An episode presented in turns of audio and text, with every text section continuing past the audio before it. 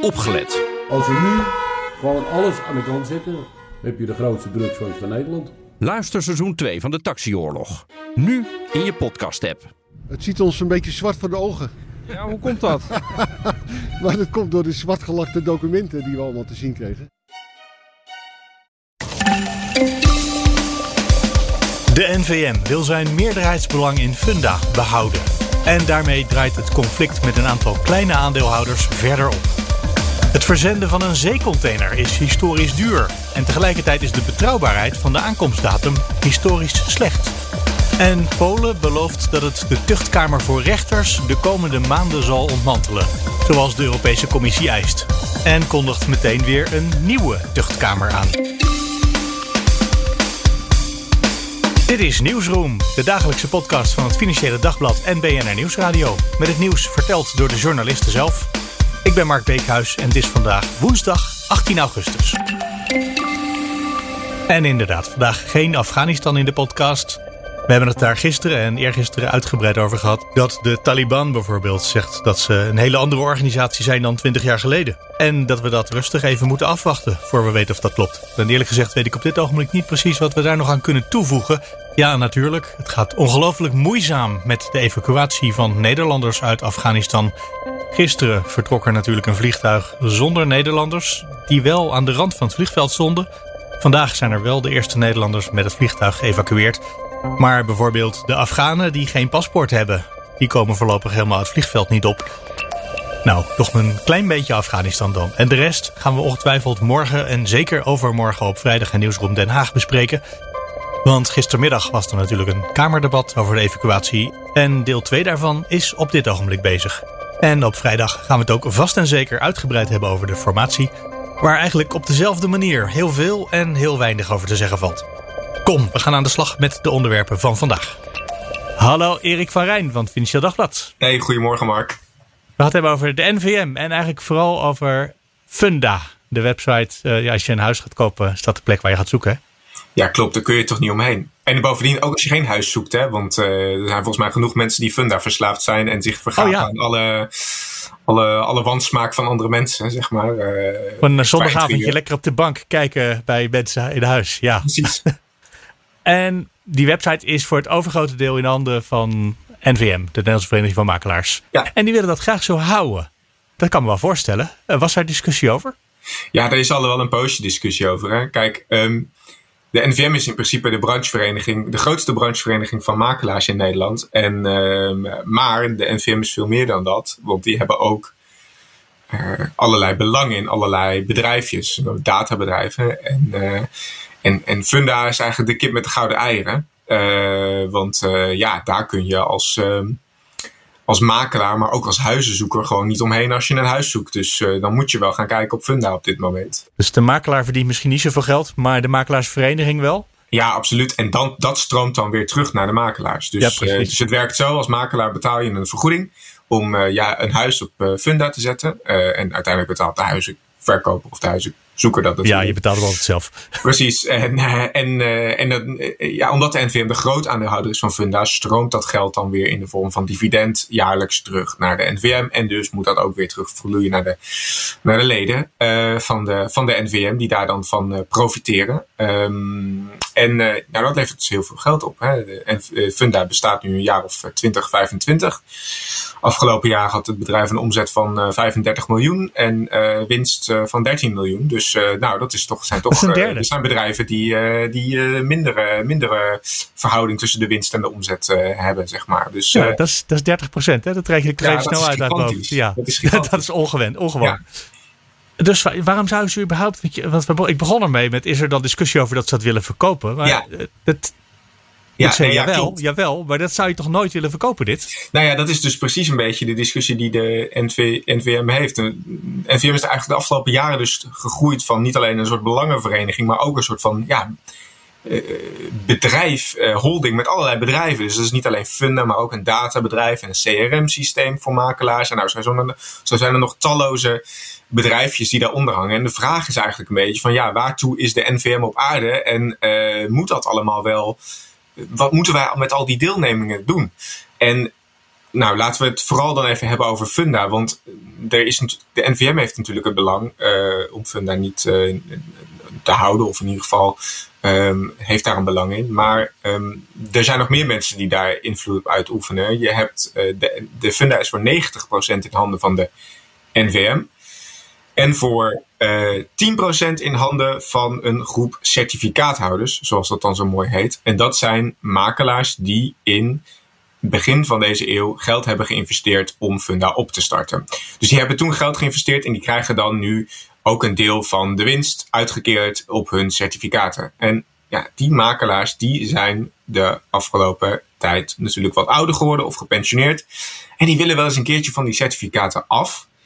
En bovendien is het ook nog eens zo dat niet alleen de NVM ziet dat Funda winst maakt, maar ook allerlei grote investeringsmaatschappijen en beleggers uit het buitenland. Dus Funda staat enorm in de belangstelling van allerlei grote private equity reuzen zoals uh, General Atlantic, KKR, Sinven, EQT, Goldman Sachs. Nou, je kunt het zo gek niet bedenken. Iedereen wil Funda wel hebben. En het bedrijf is ook echt honderden miljoenen euro's waard naar verluid. Dus um, dat zijn allemaal factoren waardoor je ook als grootaandeelhouder wel eens moet gaan nadenken over, ja, uh, wat, wat, wat moeten we nou eigenlijk met dat bedrijf? En wat wil het bedrijf zelf ook? Want um, Funda wil zelf eigenlijk wel iets meer zijn dan alleen een advertentieplatform, maar wil ook graag innoveren en groeien en bijvoorbeeld ook hypotheekproducten aanbieden op uh, het platform.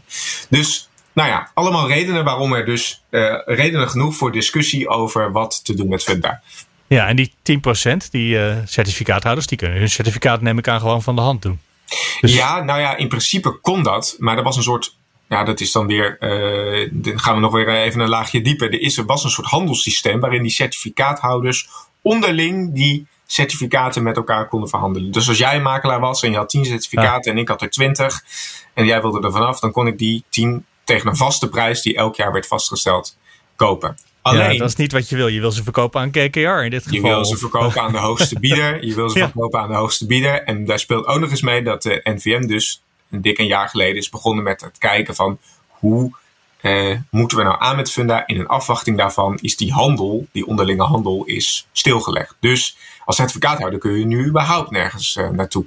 Oké, dan is natuurlijk de vraag, uh, kunnen die 10%, kunnen die iets tegen dat grote Funda ondernemen als ze er werk van willen maken? Nou, misschien goed om te vertellen. Kijk, Funda heeft dus, of NVM heeft dus nu als groot aandeelhouder besloten. Wij willen wel een klein deeltje van de aandelen verkopen.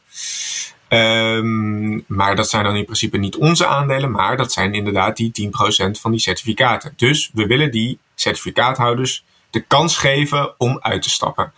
Um, en daar in de plaats daarvan kan dus een nieuwe aandeelhouder komen naast de NVM, eh, die die 10% kan overnemen. Um, en die krijgt, dan, um, die krijgt dan ook een belang in een aantal andere databedrijven van de NVM. Ehm, en zo uh, kan er dus een nieuwe aandeelhouder bij Funda komen. Uh, maar houdt de NVM dus eigenlijk gewoon nog de zeggenschap over het bedrijf, want 90% aandeelhouder. Dus dat dus, wil toch zo'n bedrijf helemaal niet? Zo'n zo'n EQT of een KKR of een Goldman Sachs, die willen toch graag gewoon echte invloed? En dit is precies wat die minderheidsaandeelhouders zeggen. Ja, hallo, uh, zo'n uh, funda is gewaardeerd op 400 miljoen euro. Als je daar 10% van koopt, dat is 40 miljoen. Dat, dat is heel veel geld, maar dat is voor dat soort partijen nou ook weer niet een enorme uh, investering. En bovendien, inderdaad, wat je al zegt, je hebt dan die zeggenschap niet. Dus waarom zouden partijen hier dan nog geïnteresseerd in zijn? Nou, dat is nu een beetje de discussie die, die volgt. En ja, wat je zegt, zij hebben die 10% al een kans. Nou ja, dat, daar gaat die strijd nu natuurlijk een beetje over. Want die 10%, die, uh, daarvan is een groep, uh, hebben een stichting opgericht. En die zijn naar de ondernemingskamer gestapt, een paar uh, maanden geleden. En die hebben gevraagd aan de ondernemingskamer, ja, we willen toch wel graag dat de NVM gesprekken start met een andere aandeelhouder. of onderzoekt of een beursgang van Funda mogelijk is. Nou, en uh, die zaak is toen op pauze gezet, omdat de NVM zei: Nou, wacht daar nou even mee, wacht hier nou even mee. We zijn bezig met onze strategie te ontwikkelen. We gaan jullie binnenkort vertellen wat, er met Funda, wat we met Funda willen. En dan praten we weer verder. Nou, dat moment is nu. Dat hebben ze nu gehad. Dus we weten nu, ze willen niks veranderen. Inderdaad. Dus ehm, de grote vraag is, wat gaat er nu gebeuren? Gaat die groep, gaat die groep uh, minderheidsaandeelhouders nu hun, hun poot stijf houden, om maar even zo te zeggen, en gaan ze door naar de ondernemingskamer? Of gaan ze toch misschien, als er toch, toch, toch misschien een investeerder komt, gaan ze dan toch zeggen: van ja, nou dan hebben we in ieder geval onze, onze, um, onze aandelen voor een goede prijs kunnen verkopen. Uh, en, dan, uh, en dan gaan we, en dan, uh, dan, nou, dan is het klaar, weet je wel. Maar ja, de taal die ze nu uitslaan, verwacht ik dat niet, omdat het hen ook gaat om meer dan alleen het geld dat ze ervoor kunnen krijgen. Maar ook over wat, wat, ja, wat het beste is voor Funda. Uh, en dat is volgens hen niet dat uh, de NVM als enige grote aandeelhouder hierbij blijft. Want dan blijft alles bij hetzelfde. En gaat Funda niet, uh, niet innoveren. Het belang van Funda is niet het belang van de NVM. Dat is eigenlijk wat je beschrijft, hè? Dat is eigenlijk, wat, dat is eigenlijk wel een beetje waar het, waar, het, waar het op neerkomt, inderdaad. En waar de strijd over gaat. Klopt. Ja. En kan je dan in de praktijk ook echt iets? Want ik bedoel, iemand heeft een bedrijf in eigendom en ik vind dat het niet goed gaat met hoe het loopt bij dat bedrijf. Ja, dat is zijn bedrijf. Daar ga ik niet over. En dan koop ik 10% van de aandelen. Dan ben ik een minderheidsaandeelhouder. Ja. Verandert dat iets fundamenteels? Kan ik dan het hele bedrijf toch naar mijn hand zetten? Nou, kijk, wat je natuurlijk wel invloed is natuurlijk op meerdere manieren. Hè? Dus uh, kijk, uh, wat hier nou ook nog bij een rol speelt, is dat Funda weliswaar voor 90% van het stemrecht in handen is van de NVM. Maar het winstrecht is maar, ligt maar bij 70% bij de NVM. En voor 30% bij die overige aandeelhouders. Dus je krijgt sowieso wel een aardige winstuitkering als je, als je ook maar 10% van de aandelen uh, in de handen krijgt. En invloed gaat om meer dan alleen het stemmen. Het gaat natuurlijk ook over nou, kan er misschien iemand van een investeerder met, met uh, goede ideeën in de Raad van Commissarissen komen. op die manier kun je ook je invloed als aandeelhouder aanwenden op het beleid van een, uh, van een bedrijf. Um, en dat is ook waar naar verluid Funda ook wel naar op zoek is. Van ja, zorg er nou voor dat we iemand erbij krijgen die ja, ervaring heeft met platformtechnologie en, en, en, en, en echt, de meer, de, echt de meer de techkant van de zaak. Want um, ja, de NVM is natuurlijk vooral een aandeelhouder die vooral uh, de klanten van Funda vertegenwoordigen, namelijk de makelaars. Daar zou ik dan als zo'n investeerder ook een beetje huiverig van zijn als je weet dat je met een, ja, iemand in het bestuur van uh, Funda op zich wel iemand hebt op de plek waar je hem wil hebben, maar dat de holding daarboven een heel andere richting met je bedrijf op wil. Uh, het, het, lijkt me een dappere investering dan. Ja, dat klopt inderdaad. Dus de grote vraag is ook van ja, ga je dan inderdaad voor 10% instappen? Neem je daar nee. genoegen mee? Of is dit een eerste stapje en probeer je het dan nog uit te bouwen? Dus dat is natuurlijk de discussie die de komende tijd ge, ge, gevoerd gaat, gaat worden. En ja, de vraag is gewoon vooral, wil de NVM uh, afstand doen van dat, van dat belang in, uh, in Funda? Of vinden ze het zo belangrijk voor hun leden, namelijk de, de makelaars? En is Funda nog zo belangrijk dat ze dat niet doen. En daar lijkt het wel een beetje op uit te draaien. Hè? Maar dat is toch ook zo? Ik bedoel, we begonnen ermee dat uh, als je een huis wil verkopen of kopen, dat, ja, dan moet je naar Funda, onder ja, andere. Absoluut. En uh, kijk, als jij je huis verkoopt, dan is de NVM de partij die daaraan uh, in principe aan verdient. Want al is het maar. Uh, alle, alle data die er, die, er, die er naar Funda wordt gestuurd, die, die komt uiteindelijk, en over woningen, die komt uiteindelijk ook terecht bij, uh, bij, bij Brainbay. Dat is weer een ander databedrijf van de NVM. En daar staat echt, en op basis van die data uh, berekenen makelaars weer wat de vraagprijs moet worden van, van huizen die te koop komen te staan. Dus die, zien, die, die kunnen in die, in, die, in die datapool gewoon zien, oh in deze wijk in deze wijk zijn de afgelopen tijd 20 huizen verkocht. Nou, ongeveer uh, gelijk aan deze. Dit was de prijs. Nou, uh, dan, dan moet dit nu ongeveer de prijs worden. dus je ziet, dus die, dat is echt een goudmijn natuurlijk voor makelaars ook. En op basis van, van die data maken makelaars ook hun, hun prijzen bekend. En zetten ze ook die woningen, woningen in de markt. Dus ja, er is voor de NVM gewoon weinig aan gelegen om om dat in te leveren. Ja, tenzij de druk natuurlijk zo hoog wordt dat, dat ze uiteindelijk wel moeten. En, uh, en, uh, of worden gedwongen via de ondernemingskamer natuurlijk om, uh, om een beursgang of onderhandelingen met een andere aandeelhouder af, te, af te dwingen. Want uit, zichzelf, uit zichzelf gaan ze het niet doen, dat snap ik wel. Erik van Rijn, dankjewel. Alsjeblieft. Hallo, Pieter Lokens van het Financieel Dagblad. Ja, goedemorgen Mark. We gaan het weer eens hebben over de rederijen. En daar hebben we het in de coronatijd vaker over gehad dat dat tegenwoordig zo ongelooflijk duur is. En Nou, dat is nog steeds zo, een jaar later. Bovendien zijn ze tegenwoordig ook heel erg onbetrouwbaar met volgens het schema varen. Hè? Ja, dat klopt. Ja, dat is gedaald tot dat nog maar 30% 30 tot 40% van de geplande aankomsttijden, dat het nog maar gehaald wordt. Dus uh, uh, dat is historisch laag eigenlijk. Dat is, dat is uh, dure prijzen, matige kwaliteit. Ja, historisch hoge prijzen, historisch lage betrouwbaarheid in die zin wat aankomsttijden betreft. Dus dan denk je, dat is, hier gaat iets mis met de marktwerking. Ja, alleen het punt is een beetje dat uh, zoveel keuze heb je eigenlijk niet meer. Dus, uh, het is ook bij alle rederijen gelijk eigenlijk. Het is niet zo dat ja, de een presteert wel iets beter dan de ander. Maar over het algemeen um, doen ze, net als de banken, daar kun je het wel een beetje mee vergelijken, doen ze eigenlijk allemaal hetzelfde. het is een soort oligopolie. steeds minder aanbieders. en um, die werken ook nog eens een keer samen in, in allianties. Dus ja, zoveel keuze heb je als consument eigenlijk niet als klant. En um, uh, uh, alle rederijen, wat kleinere rederijen die vroeger nog wel eens afweken of in niche-markten zaten, ja, dat is al een stuk minder geworden. Um, de Amerikanen zeggen van tegenwoordig de, de top 20 van de rederijen heeft 80% van de markt in handen. Dat was 20 jaar geleden nog, nog 12% zeg maar. Dus dat is een enorm verschil. Je ziet daar een enorme consolidatieslag. Is het tijd dat de overheid ingrijpt? Is dan de reflex uh, die meteen bij mij opkomt? Trouwens, die wordt ook geïnspireerd door het artikel, uh, de kop boven het artikel wat je gemaakt hebt. Die uh, luidt tenslotte: Wie legt de rederijtarieven aan banden? Ja, dat is nog niet zo eenvoudig, want uh, dat moet dan uh, komen in Europa, zou dat van de Europese mededingingsautoriteit moeten komen. Alleen die onderneemt nu nog geen actie, heeft dat vroeger wel eens een keer geprobeerd, maar dat is op niets uitgelopen. En ook um, nu doen de Amerikanen wel een nieuwe poging. De Federal Market of Maritime Committee, sorry, doet die poging. om te kijken naar de, vooral de toeslagen die de rederijen in, in rekening brengen bij hun klanten. Um, dan heb je het over uh, congestie fees, uh, uh, equipment shortage fees, dus het gebrek aan, aan, aan, aan lege containers. Allerlei opslagen die, die, en die kunnen soms flink oplopen. Daar doet de, de FMC dan nu een onderzoek naar en daar moeten we de, de resultaten van afwachten. Dan rekent zo'n rederij rekent extra geld omdat zij een tekort hebben aan lege containers of aan andere problemen waar ze tegenaan lopen. Ja, dat moeten zij zelf dan ook. Uh, uh, doen ze veel moeite voor om dan die lege containers toch op de goede plek te krijgen. Uh, zij moeten zelf die containers ook te pakken zien te krijgen. Daar zullen ze zelf ook.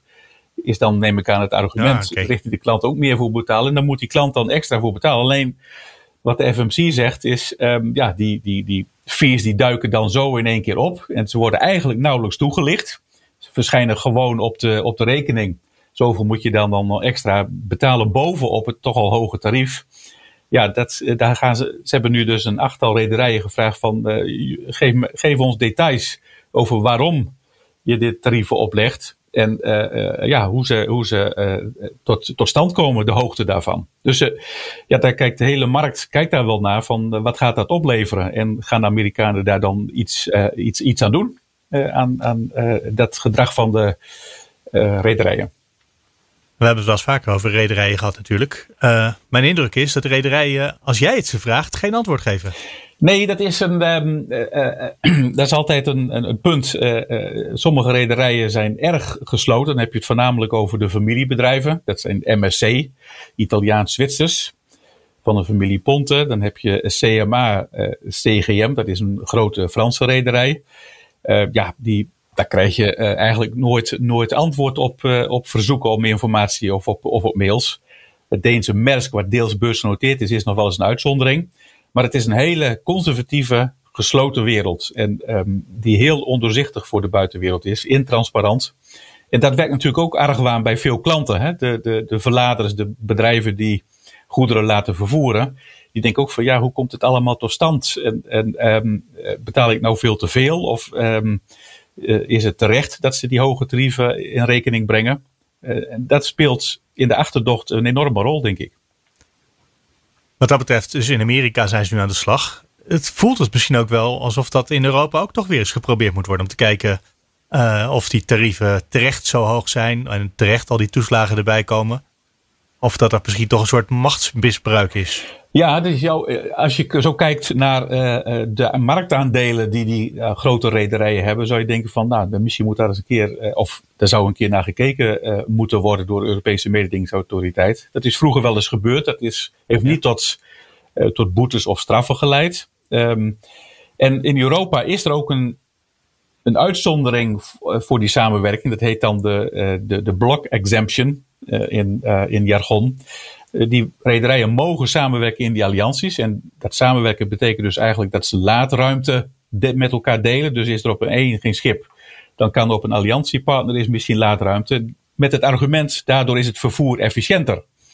Ja. En die uitzondering. Maar naar wie gaan de voordelen? Gaan de voordelen dan naar de reder of gaan ze naar hun ja, klanten? Precies. En wie, eh, wie krijgt dan het voordeel? Komt dat inderdaad terecht bij de klant of eh, komt dat terecht bij, bij de rederij? En ja, eh, het, het, steekt natuurlijk dat die rederijen, Maersk heeft het onlangs ook nog weer gedaan, enorme winsten maken. En voor dit jaar, eh, volgens mij heeft uh, de, de operationele winstverwachting met iets van 5 miljard dollar verhoogd, geloof ik. Um, dus die maken nu enorme winsten. en dat steekt. En de Europese verladersorganisatie, dus de Europese organisatie van in- en exporterende bedrijven, ja, die zegt zelf, we hebben onze vingers blauw getikt aan brieven richting de commissie, de Europese Commissie. Uh, doe een onderzoek. Maar goed, de commissie uh, heeft natuurlijk, um, dan moet je, uh, ook als klager moet je wel met bepaalde bewijzen komen dat er sprake is van of marktmisbruik of kartelvorming. Ja, die, die bewijzen zijn gewoon heel moeilijk te overleggen. Die heeft men ook niet gevonden. Ja, dus dat, is, dat is het grote probleem. En die rederijen zeggen van ja, er zijn nou eenmaal door de pandemie hele bijzondere omstandigheden. Ehm, eh, er zijn heel veel afvaarten vorig jaar geschrapt, omdat in één keer de vraag of het aanbod wegviel hè, door de pandemie in China en Europa en de VS. Um, en uh, zij hebben toen afvaarten geschrapt. Daardoor zijn de tarieven vrij stabiel gebleven. En toen begon in één keer die economische opleving. Mensen die allemaal weer spullen gingen bestellen. Dat heeft toch een enorme vervoersvraag geleid en daardoor tot een, een grote stijging uh, van die tarieven. Ook in combinatie met allerlei congestie in havens. Dus schepen liggen nu geloof ik soms bij Los Angeles vijf of zes dagen te wachten voordat ze in die haven kunnen en dat die spullen afgevoerd kunnen worden. Dus die rederijen zeggen van ja, het is niet onze schuld, het komt door de pandemie. Ja, nou, wie heeft gelijk? Uh, ik, uh, ik geef het je te doen om dat... Uh, Lastig te overzien, om, hè? Ja, Om, dat, om dat te overzien.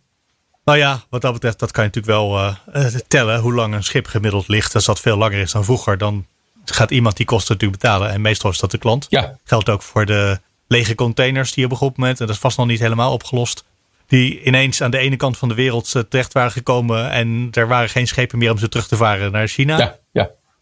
Uh, toch? Ik bedoel, ja. die, die scheve verdeling, dat is ook iets wat langzaam opgelost moet worden? Wat langzaam opgelost moet worden. Kijk, zo'n zo container staat dan in de haven. Als die niet opgehaald wordt, ja, dan, dan komt die ook niet uh, leeg, zeg maar. Hè? En normaal zou die opgehaald worden door de importeur. En dan gaat hij weer leeg terug. Of, of met andere goeden, maar uh, uh, toch ook vaak leeg. Nou, dan gaat hij weer terug naar China. en dan is daar weer voldoende voorraad van lege containers. Maar dat is dus allemaal in, in, verstoord, ja, dan krijg je problemen voordat het opgelost is. Dan komt het nog een keer weer bij dat nu ook weer in de Chinese haven deels gesloten is vanwege coronabesmettingen in, uh, ja. van havenwerkers. Dat was eerder ook wat het geval. Je hebt de Suezblokkade gehad. Ja, dat zijn allemaal elementen die uh, tot uh, grote verstoringen leiden. Maar ja, het is natuurlijk een beetje zuur als klant van zo'n rederij dat je het zes of het zevenvoudige betaalt van wat je vorig jaar betaalde. Um, en dat je toch het idee hebt van ja, ik, uh, ik word, ik word besodemieterd. En, um, maar goed, daar staat tegenover. Een jaar of vijf geleden kon je voor 800 dollar een container vanuit China laten overkomen. Toen waren de winsten extreem laag voor die rederijen. Dus, um, uh, maar dit is wel heel erg extreem hoog. En, uh, het is nu de andere kant op. Ja, ja. want wat, wat kost een container nu als je hem naar nou, wat zullen we zeggen, naar Shanghai wil varen? Nou, ik sprak een, een ja, dan zit je ongeveer op, uh, op, op, op 12, 13.000 uh, dollar. Uh, en dat is. in plaats van 800. In plaats van 800 ja. vijf jaar geleden. En vorig jaar was dat eerst het, een, een kwart daarvan ongeveer. Pieter Lokas, dankjewel. Oké. Okay. Hallo, Ria Katz. Goedemorgen. Van het Oh nee, dat mag Financieel ik niet Dagblad. zeggen. Sorry, laten we beginnen. Het, is natuurlijk, eh, het wordt natuurlijk pas middags. Sorry. Ja, het is eh 9 uur. Hallo Ria Kats Hallo Mark, goeiedag. van het Financieel Dagblad eh, in eh, Brussel. We gaan het hebben over iets wat in deze podcast dat ik probeer te volgen als een soort soap. Want het heeft ook heel veel afleveringen, dit verhaal. De relatie tussen de Europese Unie en Polen. Onder andere ruzie over hoe de rechters, eh, hoe de rechterlijke macht ingericht is. En het lijkt erop dat Polen een beetje heeft toegegeven. Of ben ik te voorbarig en te optimistisch? Nou ja, je zegt het goed. Het lijkt erop dat Polen heeft toegegeven. We moeten eigenlijk de invulling van alles nog zien. Eh, waar het om gaat is het volgende. Ehm, een van de vele conflicten tussen Brussel en Warschau was hun tuchtkamer bij de Hoge Raad voor Rechters. En ehm, ja, deze tuchtkamer, eh, daar zitten rechters die eh, feitelijk min of meer benoemd zijn door de politiek. Daar zitten rechters die eh, behoorlijk regeringsgetrouw zijn in elk geval um, de goedkeuring van de grootste regeringspartij kunnen wegdragen, de PIS, de Rechts- en Rechtvaardigheidspartij, zeer rechtsconservatieve partij. En deze tuchtkamer kan dus alle andere rechters um, ja, tuchtigen, bestraffen. Met name als bepaalde vonnissen hen niet zinnen of dat soort dingen. Dan kunnen ze bijvoorbeeld uh, op hun salaris worden gekocht, uh, gekort. Ze kunnen hun onschendbaarheid verliezen, et cetera. En de Europese uh, Commissie zegt, net als het Europees Hof van Justitie in Luxemburg, van ja, dat staat echt op enorm gespannen voet met de onafhankelijkheid van de rechtspraak. Rechters moeten in vrijheid volledig onafhankelijk kunnen vonnissen en die moeten niet bang zijn voor een of ander tuchtcollege. Uh, en zeker niet als het ook nog onder politieke controle staat. Dus heeft het uh, Europees Hof al uh, vorig jaar al gezegd, en dat heeft ze inmiddels nog een paar keer herhaald. Dat tuchtcollege, daar, moet gewoon, daar moeten we gewoon van af. Nou ja, Polen zegt steeds, ja, daar hebben jullie allemaal niks mee te maken. En het is een interne aangelegenheid en bemoeien met je eigen zaken. Tot ja. vorige maand dus inderdaad de commissie heeft gezegd, de Europese Commissie, het dagelijks bestuur van de EU. Jongens, uh, we zijn er klaar mee. Jullie hebben tot 16 augustus, dus eigenlijk tot uh, afgelopen maandagnacht, middernacht, om uh, hiermee te stoppen. En anders dan stappen we weer naar het Hof van Justitie om jullie dwangsommen te laten opleggen. Nou ja, en Polen heeft dus inderdaad een voorzichtig stapje terug gedaan. Dat stapje is de aankondiging van het opheffen van het college in de komende maanden. Um, ja, en ze hebben al eerder gezegd, twee weken geleden, van nou ja, we, gaan ermee stoppen. Er gaan geen nieuwe zaken meer naartoe. Maar ja, er zijn nog wel wat lopende zaken. Uh, er is ook niet duidelijk wat er gebeurt met de zaken waar al een uitspraak over is gedaan. Hè. Er zijn al rechters uh, ja, uit hun, uh, uit hun uh, beroep gezet. En Polen heeft ook gezegd uh, in een soort van aanvullende verklaring nog weer van ja, maar we komen echt wel met een motie om te zorgen dat de tuchtkamer, de lopende zaken, dat die dan ook worden gestaakt. Dat, het, dat we niet maanden hoeven wachten tot wij een grote herziening doen van uh, onze uh, rechtsstaat. En uh, dan nemen we dit uh, terugcollege mee. Maar ja, ook daarvoor geldt, wanneer komt die motie dan? wanneer treedt dat in werking? Voorlopig lijkt het nog door te gaan. Is dit een soort, ze vegen nog even de hele rechterlijke macht schoon, zoals de regering het graag wil. En als het allemaal klaar is, ja, dan hebben ze het terugcollege toch niet meer nodig. Dan kan het ook wel gesloten worden. Nou ja, dat is in elk geval een beetje wat ik soms ook wel denk. Van ja, het, duurt nu al tijden. Deze hele zaak speelt al tijden.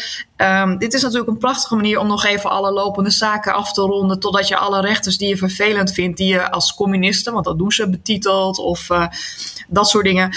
Om die nog even eruit te werken en dan te zeggen, ja, het is niet meer nodig. Dus dat zou kunnen. Nu kunnen we wel weer vrienden worden met Brussel. Precies, maar tegelijk hebben ze wel gezegd in, in hun verklaring uh, op een website gisteren.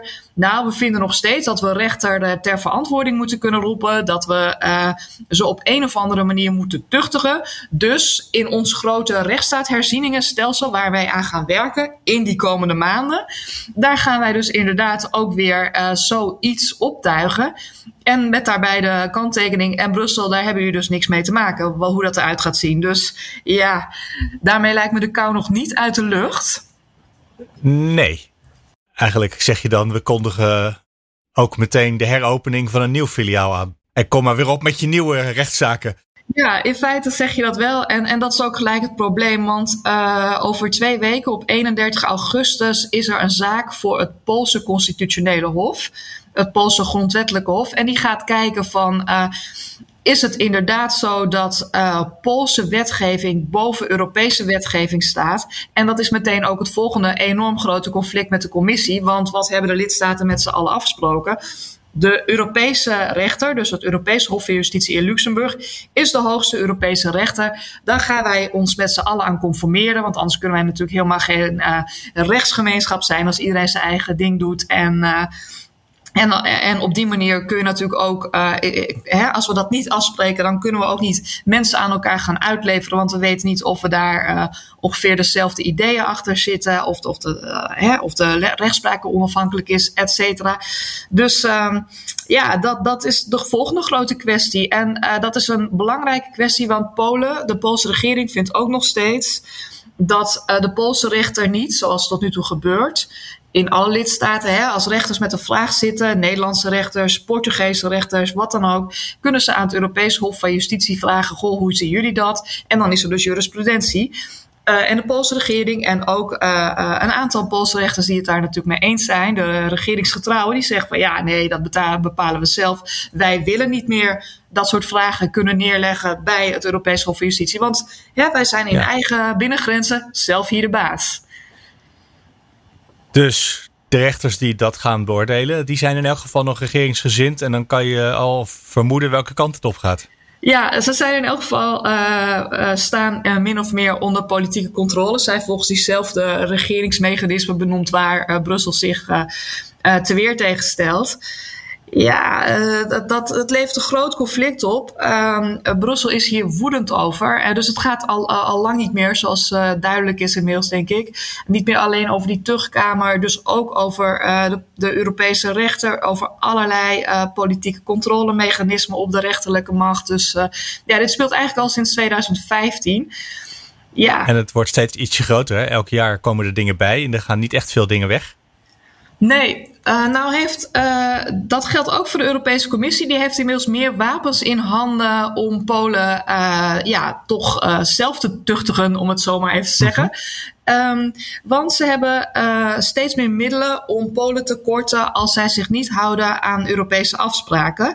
Tot nu toe hebben ze die niet ingezet. Ze kunnen dus niet alleen naar de Europese rechter om te vragen om dwangsommen. Ze kunnen sinds 1 januari van dit jaar ook subsidies inhouden aan landen die de rechtsstaat niet respecteren. En waarmee dus het gevaar bestaat dat die Europese subsidies uh, ja, op de corrupte hoop neerslaan en, en ja. dus niet teruggehaald kunnen worden. En dan is er nog het grote corona-herstelfonds, wat uh, deze zomer is opgetuigd en wat nu langzaam aan het uitkeren is aan lidstaten om uh, de coronacrisis te bevechten. En ook daarvoor geldt, dat geld wordt alleen uitgekeerd als je aan bepaalde voorwaarden houdt. Uh, en voor Polen is dat dus inderdaad, voor alle landen is dat sowieso natuurlijk uh, respecteer de rechtsstaat. En voor Polen geldt daarbij ook nog, uh, gedraag je tegen homoseksuelen. Stop met die LHBTI-vrije zones, waar dus homoseksuelen niet welkom zijn. Nog een aantal andere dingen.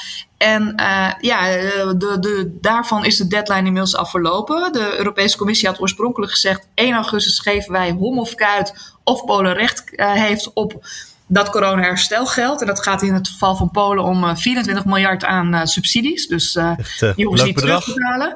Precies, en nog hele goedkope leningen ter waarde van 12 miljard. Dus dat is een enorm bedrag. Ja. Maar ja, er is nog steeds geen goedkeuring. De gesprekken gaan nog altijd door. En je kunt wel raden waar dat natuurlijk allemaal over gaat. Daar gaan we het de komende keer weer eens over hebben, denk ik. als dat over een paar dagen echt duidelijk wordt. Of zou dat nog dat over die rechtszaak heen getild kunnen worden misschien? Het zou mij niks verbazen als dit nog hele tijd gaat duren. Als de commissie slim is, want dat is natuurlijk het enige taal die Polen lijkt uh, te spreken, geld. Ja. Dan gaan ze hier uh, keihard in en dan gaan ze niet akkoord voordat de Polen zich weer uh, conformeert aan, aan de, wat wij met z'n allen als lidstaten hebben afgesproken. Namelijk onafhankelijke rechtspraak, geen regeringscontrole op de rechters. Uh, normaal doen tegen homoseksuelen en andere minderheden. Nou ja, noem het allemaal op. Hè? Democratie en rechtsstaat respecteren. Pia Katz, dankjewel. Alsjeblieft. Dat was hem voor vandaag. De show notes vind je op bnr.nl slash nieuwsroom. Je kan altijd reageren. Mail daarvoor naar nieuwsroom.fd.nl of nieuwsroom.bnr.nl. En je kan je abonneren op deze podcast als je dat al niet gedaan had. Dus zoek Nieuwsroom daarvoor even op in je podcast app. Tot morgen.